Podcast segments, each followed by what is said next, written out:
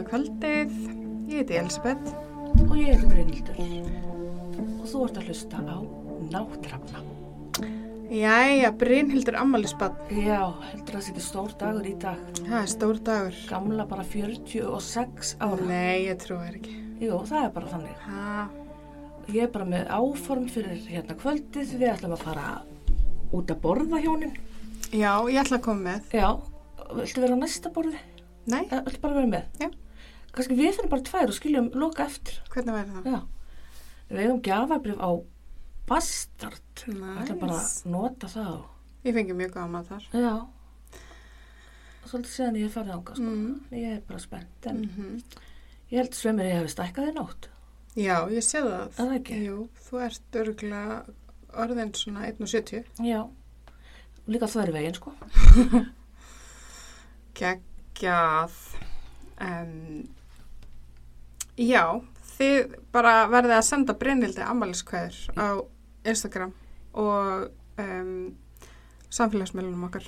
Ég stóla á það, sko. Ég, Mhm. ég er mikil ammalis dífa. Mér er ógislega gaman að eiga ammali. Já, Þannig ég er bara, hérna, hlakka til að fá alls konar ammaliskveðjur og Mhm. bara the good life. Þetta næri mig næsta árið. já, geggjað.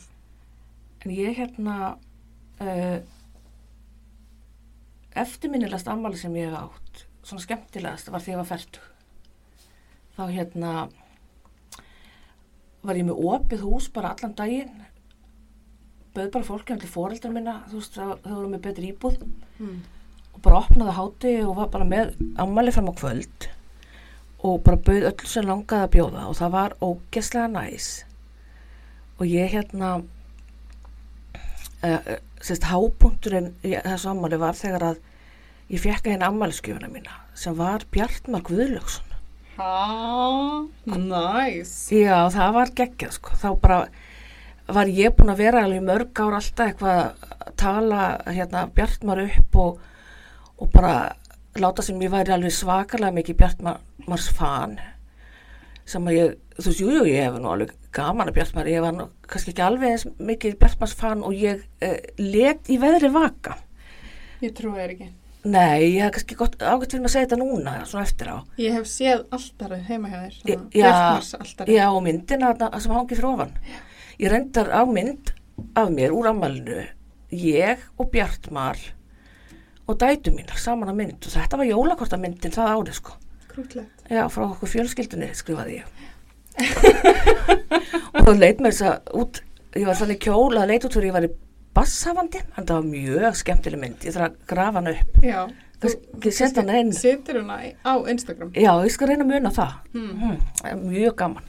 En það var einmitt í þessu ammali líka sem að ég, ég var búin að tala um það í mörg ár að þegar ég hefði færtug þá ætlaði ég að fá Roxette til að koma í ammali mitt. Mm. Að því ég er Roxette fan. Já, ég meina, hver elskar ekki Roxette? Hver elskar ekki Roxette? Og ég var búin að, Kannski bara börnin sem að er ekki búin að uppgöta. já, nákvæmlega, þannig að því þarna úti, kynniði Roxette, hljómsveitina Roxette fyrir börnunum ykkar. Þetta er eitthvað sem að öll börn þurfa að þekkja. Nefna ég, ég er sérst búinn að tala um það þarna í langan tíma að ég ætlaði að fá Roxette í ammalið. Svo kemur þessu ammali og ég sá náttúrulega fram á það að ég væri ekki að fara að flytja þetta band inn. Fannst það svona ólíklegt, þannig ég brá á það ráð að panta köku frá millunni, bara með mynd af Roxette, þannig ég geti sagt Mm. að Roxette í ammalinu mínu. Og ég var að hókina reynslu að panta millunni að ég panta alltaf fyrir Eurovision partíinu mín alltaf með mynd af íslenska framlæginu þannig ég, já, ákveða að panta þarna köku frá millunni svo styttist eitthvað í ammalið og ég er á næturvöktum á þessum tíma Mm. og ég hérna uh, sérst alltaf ég kom heima næturvakt vann sjönættir í röð að tók ég alltaf svömmtöflu svo ég geti bara sofið almennilega við daginn að því ég var svo að fara vakt um kvöldið. Nema hvað, ég tek svömmtöflu einn morgunin og fatta þá allt í hennu að ég á sérst, eftir að panta þessa roksett köku og þyrti helst að gera það ekki setna strax. Og læknirinn sem hafði ávísað lifjunum hafði sagt við mig mjög skýrt þegar hann let mér fá lifin að ég mætti aldrei fara að gera neitt eftir að taka lifin ég ætti bara að taka töflu og fara beint upp í róm og ég hef alltaf gert það bara Mhm. hérna, fara eftir því sem læknir sagði. Nema þarna hugsaði ég það kemur nú varla sök þó að ég hérna bregði mér aðeins í tölvuna hérna og panti þessa e- einu köku frá millunni og ég sest í tölvuna og fatta þá að ég er ekki með mynd af Roxette. Þannig að það er náttúrulega bara gamla góða googlið, ég fyrir að googla og er hérna rempast því að velja á milli mynda marga góða myndir í, í bóði og meðan ég er að þessu þá byrjar svona svefn livja víma að færast yfir mig. Sem að var kannski ástæði fyrir því að ég hef verið vöru við að, að gera eitthvað svona hérna eftir að hafa tekið einn töflu. Og ég pantaði þessa köku að 30 manna súkulega köku með mynd á Roxette og hugsa með mér að það sé nú ansi gott úrval á kökum hjá millunni ég ætti nú kannski að spara mér hérna vinnuna og panta fleiri kökur. Þannig að ég panta einhverja marinstertu þarna og einhverja aðra fína tertu líka og alltaf svífu meir og meiri hérna svefnir við víma á mig. Og ég sé að Millan er með kleinur og ég er nú mikil kleinukona. Ha, allir sem þekki mig vita það að ég læti ekki goða kleinu fram hjá mig fara þannig ég ákveð að panta kleinur og það var bara hægt að panta 120 kleinur þannig ég skellti þarna 120 kleinum í körfuna þannig ég var komin þarna með Roxette kökuna, 120 kleinur og eitthvað tvær kökur Þú veist bara komið góða fermingavistu. Já, já, já, já.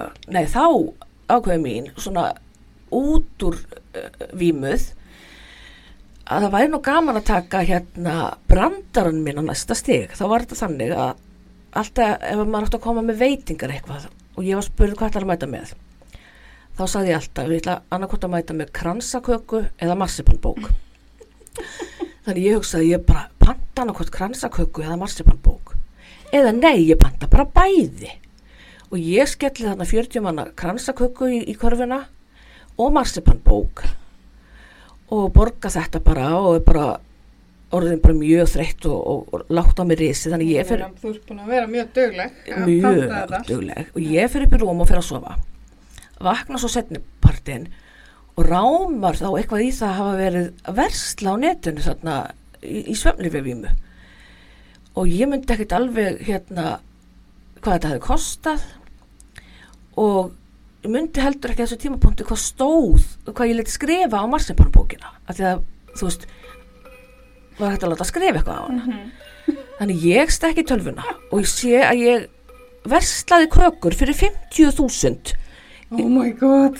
í svefnlifavímu en ég Þetta er 50 skall sko sem hefði getað farið upp í Roxette. hefði getað farið upp í Roxette, já, nákvæmlega. Og ég hérna í ofanalag gat ekki séð þarna hvað ég leti skrifa á kökuna og ég fyrir eitthvað að tala um þetta við vinkonur og vini og allir að hvetja mig bara til þess að ringi milluna og fá það bara hreint hvað stæði en ég ákvæm nú bara að vera svolítið fyndin við sjálfa mig og gera það ekki, heldur láta það bara koma mér á óvart þegar ég myndi sækja kökuna Amalis kláðning Já. til þín, einmitt.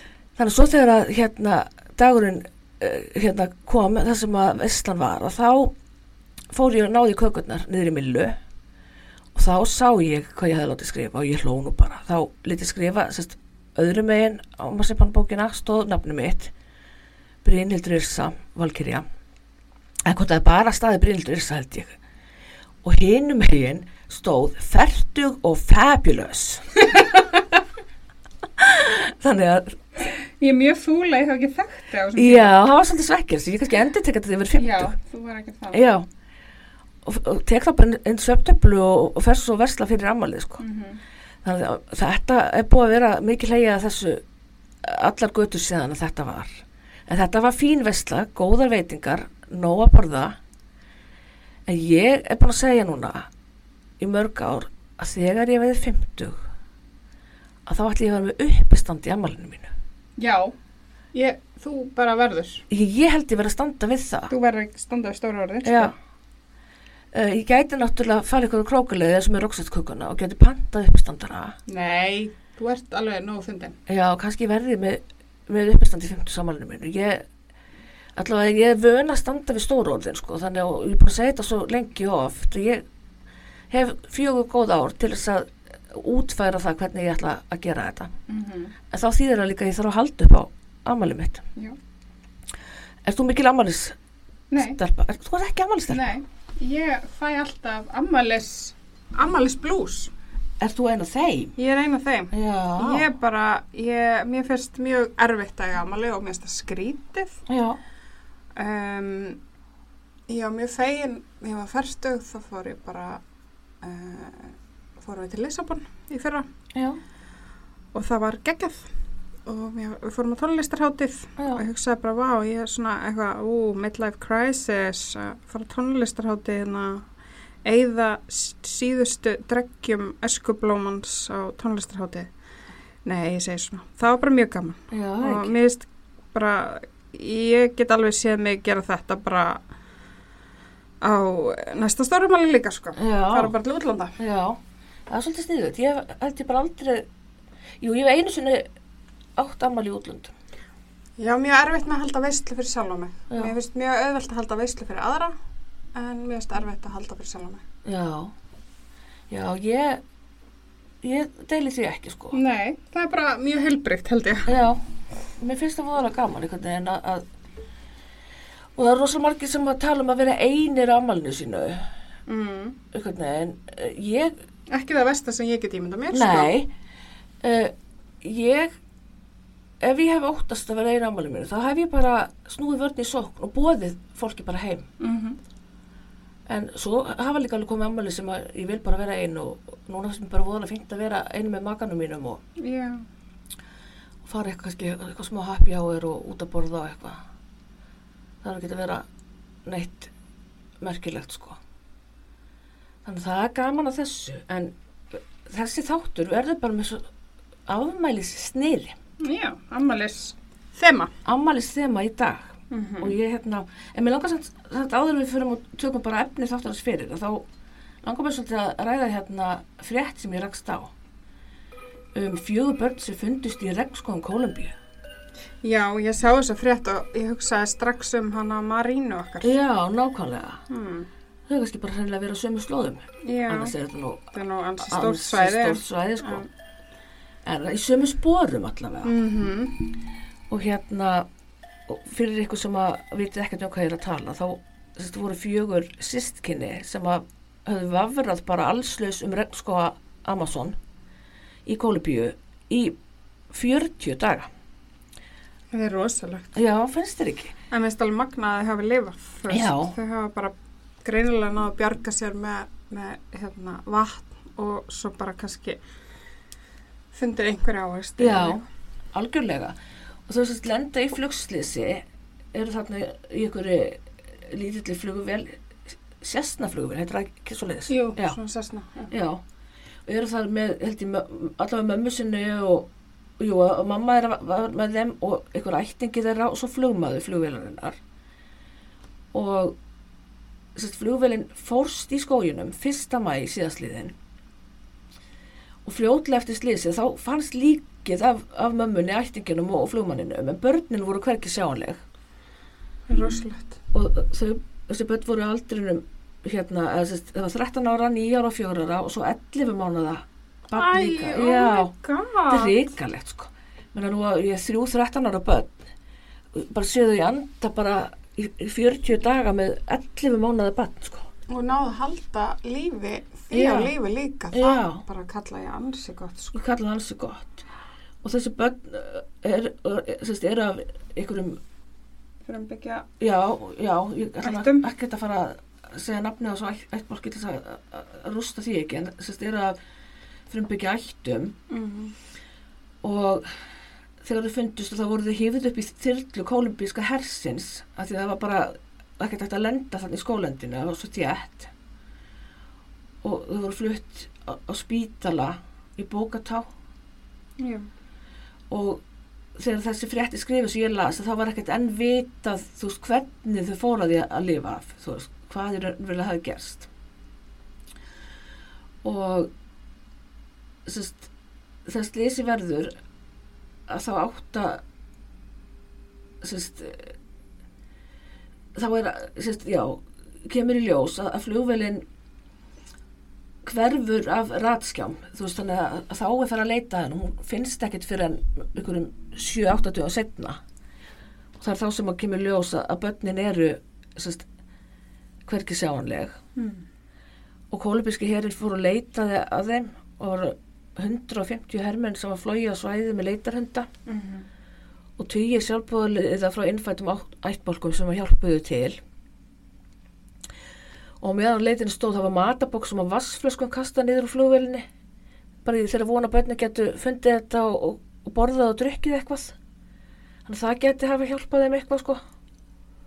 Og svo var líka hérna blöðum bara í þúsundatali kastað niður úr flugvelinni og á þessum blöðum voru leiðbenningar til barnanum að halda kyrru fyrir það sem þau væri að vera ekki að flakki og gera leitin erfiðari. Að því að betur að væri bara að kyrra einu stað ef að herin fengi ykkur vísbendingar. Mhm. og svo notuðu björgunsveitirnar hátalara til að koma skilabúin til barnana frá ömmu þeirra. Amma þeirra sérst baði um, um að halda kyrru fyrir. Og það er ekki vitað hvar börnin fundust nákvæmlega. En leitarhóparnir höfðu verið að leita í fjögur og háls kilometr radjus frá staðnum þar sem flugvelin fannst. Mm. þannig að það var líklega fundist bara tiltölan nálat flugvelinni og eftir því sem gekk á leitina þá fundu hermennir vísbendingar hér og þar sem bentu til þess að börnin væri á lífi fundu til dæmis fótspor, barnapela, bleiur og, og hálfvétna ávexti Oh my god. uh, og svo sérst fyrstu dagi 9. júni bara núna í síðustu viku að þá sérst, eftir að hafa búið að finna börnin að þá sagði fórsetu Kólubíu að hann hefði um tíma haldið að börnunum hefði verið bjargað af einu af hyrðingjættbálkunum sem ferðast um afskekta hlutaskóarins en eigið litlu samskiptu við yfirvöld. En úst, það er ekkert vitað hvort að það sé rétt. Mhm. og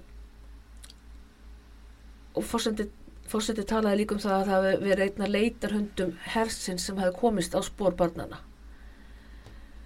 og fulltrúar hersins segja að börnin sérst, að það sem hafi rauninni bjarga þeim og haldið þeim að lífi var að þau væru sérst, frumbyggja ættar og þekktu til í skóðjunum og þekktu bara hvernig hægt var að bjarga sér Já, það, það er öruglega málið, sko. Já, Já, bara kunna að bjarga sér í skoðinu. já, nákvæmlega þannig að Það er snill. Já, þannig að það var góður endir á þessu þó að það sé náttúrulega vita skuld hrikalegt fyrir þau að vera móðurlaus. Já. Ha, en já, það er 15. júni í dag og það er ekki bara ég sem ammali. Ég er bara fór að grafa svolítið fyrir og skoða hvaða fræga fólk ammali saman dag og ég. Mhm. Og ég komst að því að Northwest, dóttir Kim Kardashian og Kanye West, hún er tíjar í dag. Og ég er alltaf svo gömul, þannig ég er hérna með bara kempur sem ég þekki vel og það er kannski ekki allir sem að vita hvað fólk að þetta er, en rapparinn Ice Cube, Jú, jú. hann er 54 ára í dag, Ice, ice baby. það var Vanilla Ice. Það var vanilæs. Jésús.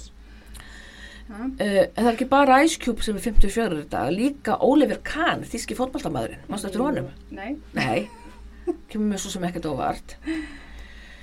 Uh, það er annar fótballtamaður sem að ámal í dag og er 59 ára og það er hinn danski Mikael Laudrup sem var bara hérna upp á sitt besta bara in the 80s Já. og hún Courtney Cox sem le leikur Monica Friends Mm. hún er líka 59 ára eins og Mikael Laudrup Já. uh, svo fyrir fótballta á fólk að þá á hann Mohamed Salah 31 á sammali Mm. leikmaður hjá Liverpool og Ég, ekki nafn. Er það ekki? Jú. Já. Ég sé það bara, ég hefði átt að, að gera garðin frægan í boltanum. Já, ég sé það. Já. En svo er ég líka búin að kíkja á hvaða, hérna, uh, ráðmörðingar hefur að maður líta. Í alvöru? Já. Uh, í dag á hann, um, hvað heitir hann? Kíkjum á það, 15. júni. Nei. Uh, Surgeon General, einhver war criminal á ammali í dag. Það þarf alltaf að eiðilegja ammali staðin fyrir mér. Já, eitthvað Sörð Issi. Ég, ég veit ekki meir. Nei, maður ætti kannski að fara að kynna sér þess að gauða eitthvað. Sko. Já. En svo er hérna ein kona sem að uh, á ekki ammali í dag, hún er löngu dáin. En það er hún Lisa Del Gio- Giocondo og það er konan sem satt fyrir að málverkinu á Mónu Lísu. Býtu, er vitað hver hún var? Já, Nú, ok. Wow. ég las ekkert um það, ég vil talið sko að það hefur verið pantað málverk Mm. af þessari konu sem hafa svo aldrei verið sótt, þannig að það endaði bara hjá málarunum. Mag- Og svo er það að lokum hann Xi Jinping, fórseti Kína, sem er 70 í dag, um stór ammali hjá Kauða. mm. Þannig að það er alveg fullt af fólk, svo er alveg hellingar, fólki sýtt ekkert hverjir eru. Nei. Eftir það sem að eldist og allt þetta unga fólk er komið inn, mikið einhverjum YouTube-stjörnum, Ég veit ekkert hvaða fólk pass, þetta er. sko. En ég leik mig líka að því að fletta upp hvaða uh, hérna lög voru efst á vinsaldalistunum daginn sem ég fættist. Mm. Og í bandaríkinu var I'm the Boogeyman með Casey and the Sunshine Band á toppnum. Ég man nú hvort ég veit hvað lag þetta er. Hérna, hvað heitir það? I'm segirðu? the Boogeyman. Nei, en ég elska Casey and the Sunshine, sko. Casey og, og, svona sólageslabandið. Já. Uh, í Breitlandi var I Don't Wanna Talk About með Rod Stewart það er nú góður smellur og í Ástralíu var Don't Cry For Me Argentina Já. þannig að það var nóg að gera stæði sem ég fættist en ég veit ekkert hvað lag var, vinsalast á Íslandi Nei. og það hefði nú verið gaman að fara inn á tímarit og skoða bara, finna bara hvað var helst í fréttum daginn sem ég fættist en Já. það er og senda að tala um það. En það er ekki allir sem eiga góða að gefa dæmalistaga þó að ég hef nú alltaf verið heppin að uh, hérna, livin my good life ámalinu sumir upplifa ámalistaginn sinna erfiðan hátt og kvíðunum jafnvel. Og það getur verið alveg allskins ástæði fyrir því. Sumir upplifa sig eina og útiloka þegar þeir hafa enga til að njóta dagsins með. Mhm. Sumir eiga slæma, minningar tengdar ammælis, ammælinu sínu og svo bara finnst sumum bara erfitt að eldast, það er bara þannig og hér í þættinum ætlum við að segja ykkur nokkrar sögur sem eiga það allar sammeðilegt að tengjast afmæli á einhvern hátt Já. Spennó. mm -hmm. Ég er með eina ógísla, Þetta meina ógislega viðbjóðsla. Já, ég laka til að heyra hana Ég er með einhverjar fimm stuttar bara Mm En ég setti spurningu í, í Facebook-hóp og spurði fólk hvernig þeirra verstu ammælistagar hefur verið. Ok. Uh, og ég fekk alveg mörg svör. Mm Og ein kona sem svaraði, hún eitti til dæmis 31 árs ammælinu sinum í hlaupabólu og sama tíma var mamma hennar að deyja. Æi. Já, ræðilegt. Uh, ein kona tjáði mér hún að hefði búið gestum heim í ammælsvislu en svo var hún að reka alla útvegna þess að kærastinn hennar vektist og þurfti að fara með sjúkrabíl á spítala. Oh my god. Ein misti svo fimm ára dóttur sinna sin. Það er ræðilegt. bara, maður býður þess ekkert Nei, bætur sko. hún vinnur. Já, þetta er alveg Það er skelvilegt. samt eitthvað sem að fólk vil ekki vinna. Nei, þetta er ekki keppni sem fólk vil sinna. Skelvilegt. Já, Elsku. en eins og ég segi, ég hef verið uh, bara heppin með mín ammælistæði að hinga til 7.9.13. Mm, svo hérna er ég þarna með sögurnar. Ég ætla bara að byrja að segja ykkur fyrstu söguna sem Mm. tengist ammælu eitthvað nátt. Ok. Og þessi saga er um hana Önnu sem er 29 ára. Uh, annan nafn sem ég gaf henni þar sem ég hef ekki rétta nafni hennar. Í janúar 2013 og flutti hún til Cape Town í Suður Afríku, frá Cape Town í Suður Afríku Mm. uh, til Pretoria í sama landi til þess að fara í nám. Og með náminu tók hún sér vinnu hjá meðalstónu tölvufyrirtæki sem aðstofakona og þar kynnist hún uh, þýskamanninu Kristján bara, þess að hún flytur í janúar og þau byrja að deyta í mars. Og eru bara hafmyggjur svo saman þar til fimm mánuðu síðar að hann flytur aftur til Þýskaland og það er í ágúst því ári, ekki þessu. Þannig að 2013 Mm. Uh, og fljótlega eftir það fyrir Anna að deyta annan mann og bara lífið almennt nokkuð gott þegar Anna átti svo ammali þann 12. september 2013 þá attaði Kristján henni skyndilega í hópspjöll með öllum þeim stúlkum sem hann hefði verið að spjalla við meðan hann var að hitta að deyta önnu. Já, og þetta bara gjössalega braut hana niður, bara ógislega skemmtur að ammalistagur nótt. Mm. Uh, saman dag ringdi hann svo í hana vídeosýmtal Mm. og sagði henni að hann væri farin að deyta nýja konu og sagði henni að konan héti líka Anna eða sama nafni og, þessi kona allavega og væri bara mikið betur en hún í alla staði Ég minn einasti. og Anna var alveg niðurbrotin eftir þetta þannig að hún ákvaða blokkar allstaðar bara til þess að lífa andlega heilsunni sinni Já. en hann let það nú ekki stoppa sig hann Kristján Hvaða fíbl er þetta? uh -huh, heldur bjóða til nýja aðganga á Snapchat og Facebook til að nálgast önnu og skiptum símanúmer svo hann geti líka haft samband við hann á Whatsapp Já.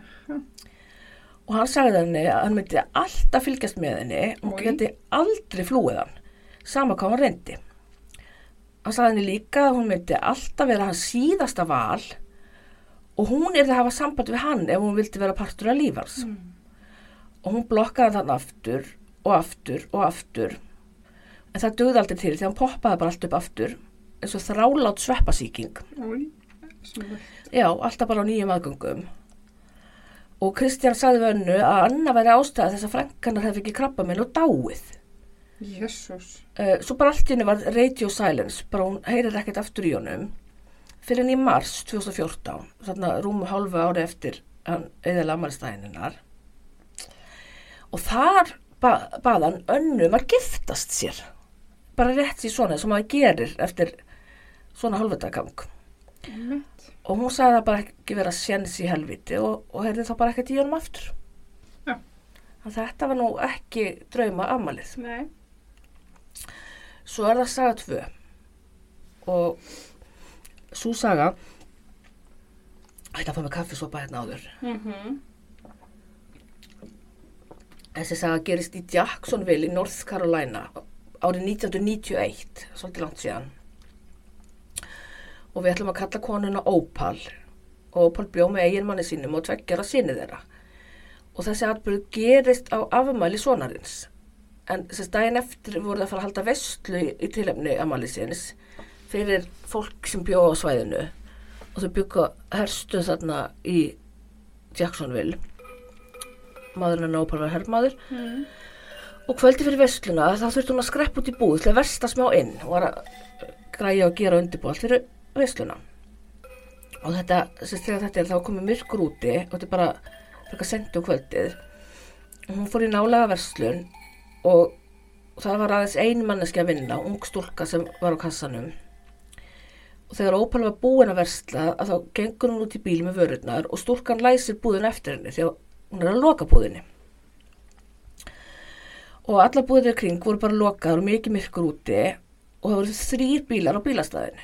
Að bílinn hennar Opal og bílinn sem að unga afkvæmstúlkan átti en svo var líka þarna van. Og þar voru tveir creepy gaurar inn í þeim bíl sem að störðu á stúlkuna sem var inn í búðinni. Og veittust það bara mikinn áhuga á henni en, veittu Opal bara litla aðtegli Þegar Opal gekk hins vegar framhjá bílnu þeirra þá steig annar maðurinn sérst, út með annan fótinn og glotti til hennar og hinn bjóðs undir að koma líka út. Þannig að Opal flýtti sér bara inn í bílinn sinn, skellti hurðinu og var tilbúin með likla á milli hérna, fingrana ef þeir skildu koma inn í bílinn. Þeir, já, þeir hættu bara að veita henni aðtekli og held áfram að stara á stúlkuna. Új. Og þarna taldi Opal ekki næga tíma til að kalla eftir hjálp. En hún vildi alls ekki skilja stúlkunni eftir eina með gaurana í návíi. Uh, og þarna er þeir ekkert að spá lengur í Opal væri þarna. Eða viltist bara vera alveg sama þá hún væri að fylgjast með. Augur þeirra voru á stúlkunni sem að slökti nú ljósin í búðinni og bjósi undir að stíga út. Og hún virtist ekkert gera neina grein fyrir því á þessu tímapunkti að það væru þrjár manneskur þarna fyrir utan að fylgjast með henni. Og hún gekk átt að bílnu sínum og þarna voru krípi gaurarnir kominir út úr sínu bíl og gengu í átt að henni. Og Ópal stóð alls ekki sama þannig að hún kerði bílinn sér þannig að að- hún fór að milli gaurana á stúlkunar. Og þarna var stúlkan enn bara ekkert búin átt að segja að þeir varu þarna að fylgjast með henni. Og stúlkan var þeim megin við bílinn, þess að farþæðasæti var Þannig að Opal gati ekki að opna gluggan því þetta er svo langt síðan og það var ekki uh, rafknúnar rúður í bílnum. Og hún gati ekki rúla niður gluggan farþegum með og gati þannig ekki tala við stúlkuna. en hún sá sérst, í speklunum að Gaurarna voru alveg brjálaðir yfir að hún væri þarna á milli, bara virkilega pyrraðir en þarna tókst stúlkunni að fara inn í bílinn sin og keiri burtu án þess að verða nokkur sinni vör við hættuna. Og Opal kerði eftir henni í góðan tíma og creepy gaurarnir í vaninum kerðu líka eftir en þeir gáfust upp á ákveðinu tímapunkti og begðu bara í aðra átt en Opal þóði ekki annað en að fylgja stúlkun eftir til að vera alveg örugum og kæmist Nei. heil heim Skiljanlega, og bara. Já, hann að daginn eftir það á sambandi lögreglu og búðina til að láta vita þessu ef að gaurarnir myndu endur taka leikinn síðan Þetta er óhugulegt jep. Svo er það saga þrjú og hún gerist 7. júli 2016 hann var ekki langt síðan. Og það var blíðiskapa veður úti og Nancy fór með sonum sínum þremur í garð sem var nálagt á satt sýstu sinni og barninu hennar. Og þennan dag átti yngsti sonur Nancy í afmæli. Hann hefði ákvað að fara í tilumni þess og gera sér glaðan dag þarna í nálegum garði. Mm. og þar sem þau byggu í mjög litlum bæ taldi hún sér alls ekki þurfa að fylgjast vel með börnunum allir þekktu alla og ekkert kom vanalega upp á. Þannig að börni fengur bara að leika sér frjáls. Uh, á bílastæðinu við garðin stóð rauður Ford Explorer sem sýsturna tóku eftir en veitt ekkert mikla aðtegli og það var ekkert fyrir hann að Nancy herði elsta són sinn segast gjarnan vilja sjá kvolpin við eitthvað sem var að tala við hann my sem að aðtegli hennar var náð þá leit hún upp og sá són sem standa við rauðabílin og var opin rifa á bílstjórahörðinni það sem Nancy tók strax eftir var að það vantaði númera plötur á bílin Þannig að henni var bara mjög mikið brugðið. En hún heyrði svona sem segist alltaf ná í mömmu sína svo hún geti líka séð kvolpin og meðan að strákunni var að- að ganga til Nancyar þá skellti bílstjórun aftur hörðin og brunaði í burtu. Mm. Nancy tilkynnt þetta til lögreglunar en það kom aldrei neitt út úr því hún alltaf var ekki með númera plötur eða neitt. En hún þakkaði alltaf fyrir að drengun hafi viljað sína henni kvolpin líka annars að þetta geta farið mjög illa. Jep, veit bara stað. Svo er það saga fjögur. Og það er hún Íten sem var 19 ára gömul uh, sem fór í ammælisveislu til vinkonu sinnar og það voru saman í háskóla. Og þar fór hún á slettu klöfunum, djammaði og djúsaði og hafði það bara gaman og kærasti vinkonunnar ætlaði að skuttla henni heim og Íten langaði að fara tölvöld fyrr heim en hún gerði og hún bjó á skólavistinni við háskólan þegar þetta var og herbyrgisfélagi hennar var annars staðar þessa nótt. Kærasti vinkonunnar skildi hann eftir fyrir utan heimavistuna og kerði í burtu og það var þá sem að Íten tók ákvörðunum að fara sem skreppa á nálegan bar. Hún var í töluverðu uppnámi að því það hefði eitthvað komið upp á þetta kvöld og svo voru líka bara mjög drukkin og ákvað bara að halda áfram að djamma og fór á eitthvað háskólabar hann nálagt eða bar sem að háskólanemar sóttu gjarnan og notaði fölsu skilríkin sín til að komast inn. Uh, og hún sagðist að hafa alveg gert sig grein fyrir að það væri slæm hugmynd að fara þangað ein en fór engu að síður. Og hún er komin á barinn um eitt leitið og satt við barinn, drakk bjór og spjallaði við barþjónin. Og þá kom til hennar gaur sem virtist vera aðeins eldri en hún og fór að spjalla við hana. Íten spjallaði við hann og fekk hann að kaupa fyrir sér drikk og þessi gaur kynir hann svo fyrir öðru manni sem Íten hafði reyndar hitt nokkur dögu fyrir þannig að hún kannast eitthvað aðeins við hann og hann virkaði bara ágætla á hana og þau fór að spjalla heilmikið saman og hann sagði henni að hann ætti afmæli þennan dag og væri orðin 34 ára gamall alveg miklu eldri en hún þannig að það er 15 árum eldri en hún Mm. og Íten þótti mjög off að hann væri þú veist þetta gamall hangandi á bar þar sem engungu háskólanemar stunduðu. Íten held áfram að drekka alveg slatta þarna og var druknari en hún ætlaði sér en það kom að því að hún vildi fara heim og það er um tvöleitið þannig hún er að barnum í sérska klukkutíma og þarna var minnið hennar orðið þókukent og hún kom inn á smá blackout en segir að hafi runnið svo litið af henni þegar hún steigi inn í bíl 34 ára mannsins. Hún vissi ekki alveg hvað var í gangi en hann sagðist vera að fara skuttlinni heim. Íten gaf manninum heimilisfangi sitt og þegar hann var komin að stað sagði hún honum að beigja til vinstri. Uh, og hann spurði hana endalust hvort að hún var í viss um það og beigði svo til hægri í staðin. og þarna rennur enn meira af íten því hún átti að segja á því að hann væri að fara í þver öfuga átt við heimilið hennar. Hún var alveg skítrætt þarna en vildi alls ekki hann vissi það svo hún hló með honum að einhverju og reyndi að halda kúlinu og hún baða hann um að taka uppeyju en hann sagði ekki neitt, heldur bara alltaf beint áfram á leið. Þannig að hún vissi hún yfir að reyna að hugsa sem skýrast. Og var alveg brátt sem hún væri í tölverið hættu. Og endanum ákváðan að taka myndir og myndbönd af manninum og þóttist bara að vera að fýblast eitthvað með honum. Og þetta gerði hún til eiga sannanir ef það kemi eitthvað upp á. Og geta sínt bara hver maðurinn væri. Mm. maðurinn begði skyndilega inn á bílastæði fyrir utan fjölbýlishús og spurði Íten hann hvort hann vissi hvort hún geti komist á klósett þarna og hann sagði að það væri klósett þarna og hann geti sínt henni hvað það væri. Íten var skjálfanda hræðslu þegar hún fór út úr bílnum. Og maðurinn sérst, tók svona utan á axlitan hann og styrði henni í áttaðus klósetti sem hann ætlaði að sína henni. Uh, hann tók upp líkil og opnaði og þá sá hún þetta var ekki almenningsklósetti og hann hélt, þetta var þetta íbúð og greinilega íbúðin hans. Og hún vissi að ef hún færið þangað inn væri hún í mikill hættu. Þannig hún tók bara skyndilega á rás og þaut í burtun srætt hún gat og kíkti ekkert aftur fyrir sig að neitt til þess að- bara hægi ekki á sjálfur sér. Mm. og á hlaupunum rakst hún á öryggisvörð sem var þarna svæðinu og baði hann um aðstóð en hann sagði henni bara beinlega að fokka sér. Og svaraði hún hún þannig tilbaka. Uh, svo hljóp hún í 7-Eleven verslun og baði starfsmann þar um aðstóð en hann vildi ekki hjálpa henni og hún rauk því aftur á stað og vissi að hún gæti ekki hringt henni því að raflaður á símanum hennar var bara í- aðeins einu prósenti. Mm. og Ítan hafði ekki hugmynd um hvað hún væri þannig að hún rataði ekki heim. En að lokum gekk hún fram á hús þar sem voru kvekt ljós inni. Hún bankaði dyrnar og kom par til dyra.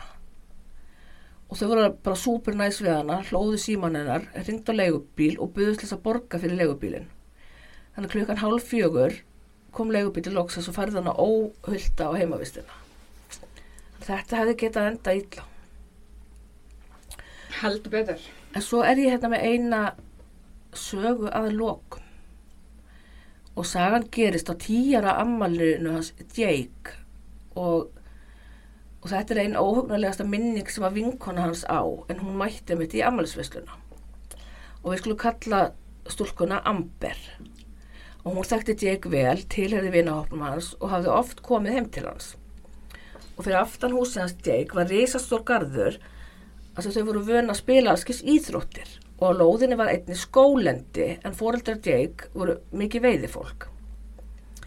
Þau voru búin að leggja stíg frá garðinum inn í skógin og þegar það var fyrir að dimma þegar bönni voru í veslunni fannst þeim alveg bráðsniðugt að fara inn í skógin í myrkrinu. Og börnir gengur eftir stígnum inn í skógin en fljótlega tók stígurinn enda og, og við tók gróðurlendi fullt af greinum, kvistum og löfblöðum. Amber fannst mjög creepy að vera inn í skóginum í myrkrinu og var alveg logandi hrætt. Þegar þau hefðu gengið í um korter fannst Amber hún heyra hljóð aðeins fyrir aftan þau Mm. úr þeirri átt sem þau voru að koma. Og hún spurði strákana hvort þeir hefði heyrta en þeir neituðu því. Og bönni stoppuðu öll og hlustuðu vel á vandlega en heyrði ekkert hljóð. Þannig að þau heldu áfram en Amber var svo forvitin og langaði að vita hvað það var svo hún snýri við. Uh, hún taldi þetta líklast að vera íkorn eða kanínu hann ákvaði að kíkja og sagði bara vinnu sínum hún myndi ná þeim fljótlega og það var þá sem að Amber heyrði annað hljóð sem var mun herra en það fyrra þetta var greinilega hljóð í trjágreinum að brotna og hljóði virtist ekki vera mikið lengri burt en svona 5-6 metra. Mm. og hljóði var alltaf herra eftir því sem Amber færðist nær. Og lokum tók hún eftir manni upp í tré fyrir ofan hana. Hann starði á hann á tómum augum og Amber var virkilega brugðið. Og sá bara höfuðið hans sem búkurinn var bak við greinar. Og skyndilega hvarf höfuðið svo líka. Og Amber hljóp bara í sjokki til hinnabarnan og sagði þeim frá því sem hún hafði séð og þau hljóp all heim til Jake. Og svo þau fóreldrum hans frá því. Fóreldrarnir fóru inn í skóin að leita manninum en fundu hann hvergi. Þannig að þessi maður fannst aldrei en Amber er alveg sendur föst á því að það hafi manneski verið þetta í skóginum að fylgjast með þeim. Og bara. En það fannst aldrei neinn skýring á því. Nei. Þá er ég með þátt, nei með þátt, jésús, þá er ég með sögu sem að eh, fjalla líka um tíu ára amali Ú, og þetta er uh, rosaleg saga af trúði. Uh, ég sel hana ei dýrar en ég keft hana, heyrði hana upphaflega í creepypasta hlaðvarpi og fann hana svo á netinu. Hún er eftir konu sem vill ekki gefa upp nafn nýja notendanafn en þar sem sagan er góð ætla ég bara leifin að heyrast hér. Ég ætla að segja hana í fyrstu personu því þannig kemst hún best til skila. Og hvar var ég? Uh, þið sem eru með mikla fóbíu fyrir trúðum þið ættu líklega bara að sleppa næstu tíu mínútum eða svo en þið hinn geti haldið áfram. Þið hinn sem eru með trúðafóbíu og vilji láta hræða ykkur þá með hlusta um, ég átti ammæli á miðju sumri og þetta var alltaf svo skemmtilegt við settum vassrenning í gardin og leikum okkur með vassbissur á meðan við byggðum eftir gjöfunum og kökunum. Þetta var það skemmtilegasta sem ég vissi. Alveg þangað til ég var tí ára. Mamma hafði pantað trúð til að skemmta okkur krökkunum. Henni fannst það góð hugmynd því ég var alltaf að reyna að móta dýr úr blöðrum og bíómyndin Killer Clowns from Out of Space var líka uppáhaldsmyndinni. Hefur þú séð hana? nei, Nei, ég hef ekki séð hann heldur og mér langar svolítið að horfa á hana. já, ég held að já, Þetta er örgulega einhver algjör djöflasira. já, En aftur að sögni, trúðurinn hétt Pops, hann var í rauðri skirtu með stórum bláum boltum að framann og skondnum rauðum hvítum röndóttum trúðaböksum sem pókuðu og var í bláum og rauðum skóm sem litu meira út eins og keiluskór fremur en trúðaskór.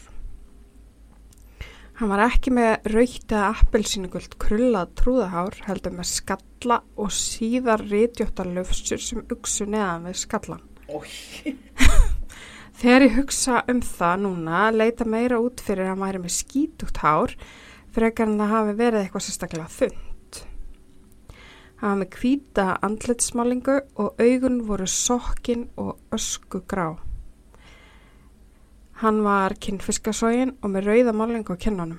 Það sem ég mann helst eftir var bros hans en hann brosti alls ekki til að byrja með. Rauðmálningin í kringum varir hans var suppuleg og grettur ykkur hans voru mjög ábyrjandi. Hann virkaði alls ekki neitt gladur trúður. Jafnvel neglur hans voru ógeðslegar. Hann var ekki með hanska heldur með langa hvítafingur með skítugum og löngum nöglum. Ég held að tárið á kinn hans hafi verið tattú því það var það eina sem var ekki útklínt í heitir í sýta í solinni. Vá, Þetta er mjög skeri Já. mynd af þessum trúðu hérna sem er máluð upp. Hann brosti ekki þegar hann síndi skemmtiðatriðin sín. Hann starði bara á okkur meðan hann kastaði boltum og keilum. Hann starði á hvert einasta barn í ákveðum tíma áður en hann snýri sér að nýju skemmtiðatriði og benti svo á eitt og eitt barn til að koma til hans og aðstoða. Þú veist, Þetta hljóma bara eins og eitthvað martröð. já, líka, Ógeð! þetta tattu verið að Já. bara gengi eitthvað. Já.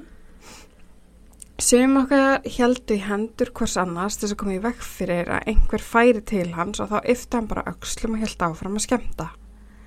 Það var ekki fyrir í lokin sem hann talaði. Hann benti á Jenny sem var badnapjá minn. Jenny bjó í næsta húsi, hún kom mjög oft að passa mig fyrir sem á auka pening með skólinum. Ég heldur hann hafi verið 18 eða 19 ára og hún bjó enn hjá fórildrum sínum. Allar stelpunar í hverfinu vildi vera eins og Jenny og allir strákarnir vildi vera með henni. Svona, ef við gerum ráð fyrir því að allir séu gagkinnheðir. Hún var mjög sætt með blá augu og sítljóst hár. Pops gargaði hálfpartinn í lokin að þetta væri erfiðir ammælisgestir þegar hann pakkaði saman draslun sínu inn í dökkbláan sendibíl sem var mertur Pops á hliðanum. Restin af deginu var skemmtileg. Uh, við fengum köku og ís og svo voru gafirnar opnaðar. Uh, það var ekki fyrir klukkan 5 þegar gestinni fór að týnast út. Jenny sem bjóði í næsta húsi var svo síðast til að fara. Mamma bauð henni að lappa með yfir en hún held nú ekki.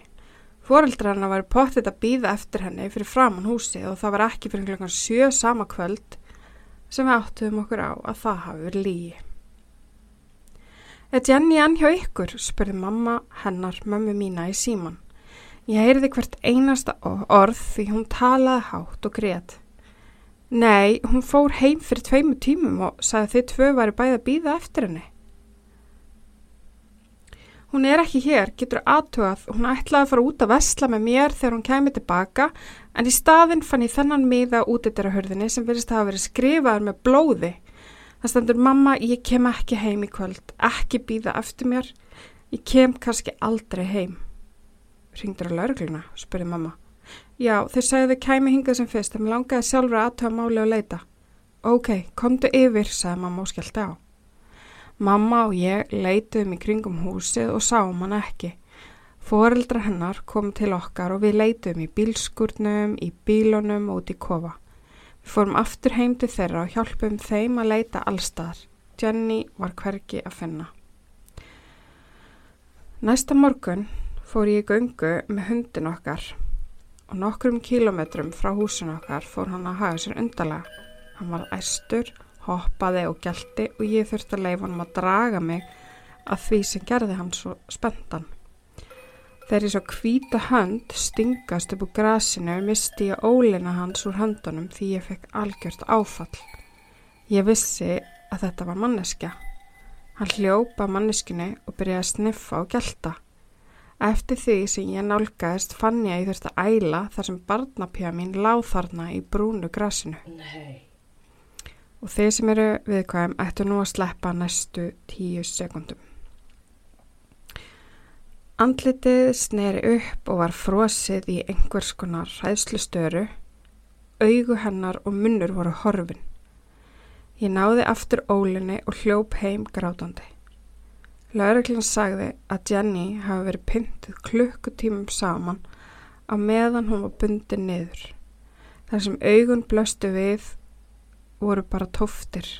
Það var búið að rýfa af henni allar neglur og hún hafi verið stungin oft á mörgu sinnum og blætti út á meðan hún var lamin í höfuðið af einhverju sem braut höfugúpa hennar. Þetta eru skjálfileg örlag þessar elsku stúlku. Svakalegt. Þegar laurglann tók skýstlu að móðuminni sagði hún þeim að síðasta manneskjan sem þau sáu var þessi skrítni trúður í ammalinu. Lauruglan grenslaðist fyrir um trúðin og sagði að eitthvað passaði ekki. Maðurinn sem leitt nær alveg eins út og pops hafi verið dáinn í um 50 ár. Hann hafi látið lífið við að skemta fjölskyldan sem hafi búið í húsinu áður fyrr, fyrir stúlku sem hétt Jennifer. Nei. Ertu að kaupa það? Uh, Nei, ekki Nei, ekki heldur. Þetta er góð saga. Þetta er góð saga, já, mjög góð saga og uh, ekki þeirri mynd að það væri gaman ef þetta væri satt, alls ekki. Mm, nei, en ég veldi einmitt sko fyrir mér hvort, hluta af þessu væri satt. Já, En ég trúi því ekki að hann hafi verið uh, látin að skemmta í ammali og svitnandi og, og, og nei, ég trú því ekki. ég kaupi það ekki. En, en kannski var þetta einhver ógslegu morðingi, Já, hver veit. en lærdomurinn hér er aldrei að þesta trúði. það er bara Með fullri virðingu fyrir þeirri list sem að trúða mennskan er. Já, Ha, ég held að not all clowns, ha? já. Við, við skulum ekki fara að slaufa öllum trúðum hér. Nei. En já, það er, það er nú eitthvað creepy við trúða samt. Já, Já, það er alltaf Já. eitthvað, sko. það Ég er ekki mikil trúðakona. Er það ekki? Nei, Skrítið. það er ekki, að ég lít út þessu trúður, alltaf með trúðsleiti. Ég er ekki mikið fyrir trúða heldur. Nei. Ég er ekki með fóbi. Nei, ég er En mér, ekki með mér fólk. finnst creepy trúðar og gæsla fyndnir. Já, menn ég myndi sent fara að sapna trúðum en þeir uh. hræða mig ekki Nei, ekki ögn sko Vistu, Nei. já áhugaverðir kjánalegir Mm en já, þetta er nú gaman sko En já, við bara bjóðum ykkur góða nótt, kæri Já, hlustundur. Bara vonandi fáið ekki martraðir um, um ræðilega ammali og, og morðaða trúða. Nei, og ég ætla bara að eiga hérna góða kvöldstund með manninu mínum og Já, njóta þess að eiga ammali yes. bara þanga til næst til næst. góða nótt Góða nótt.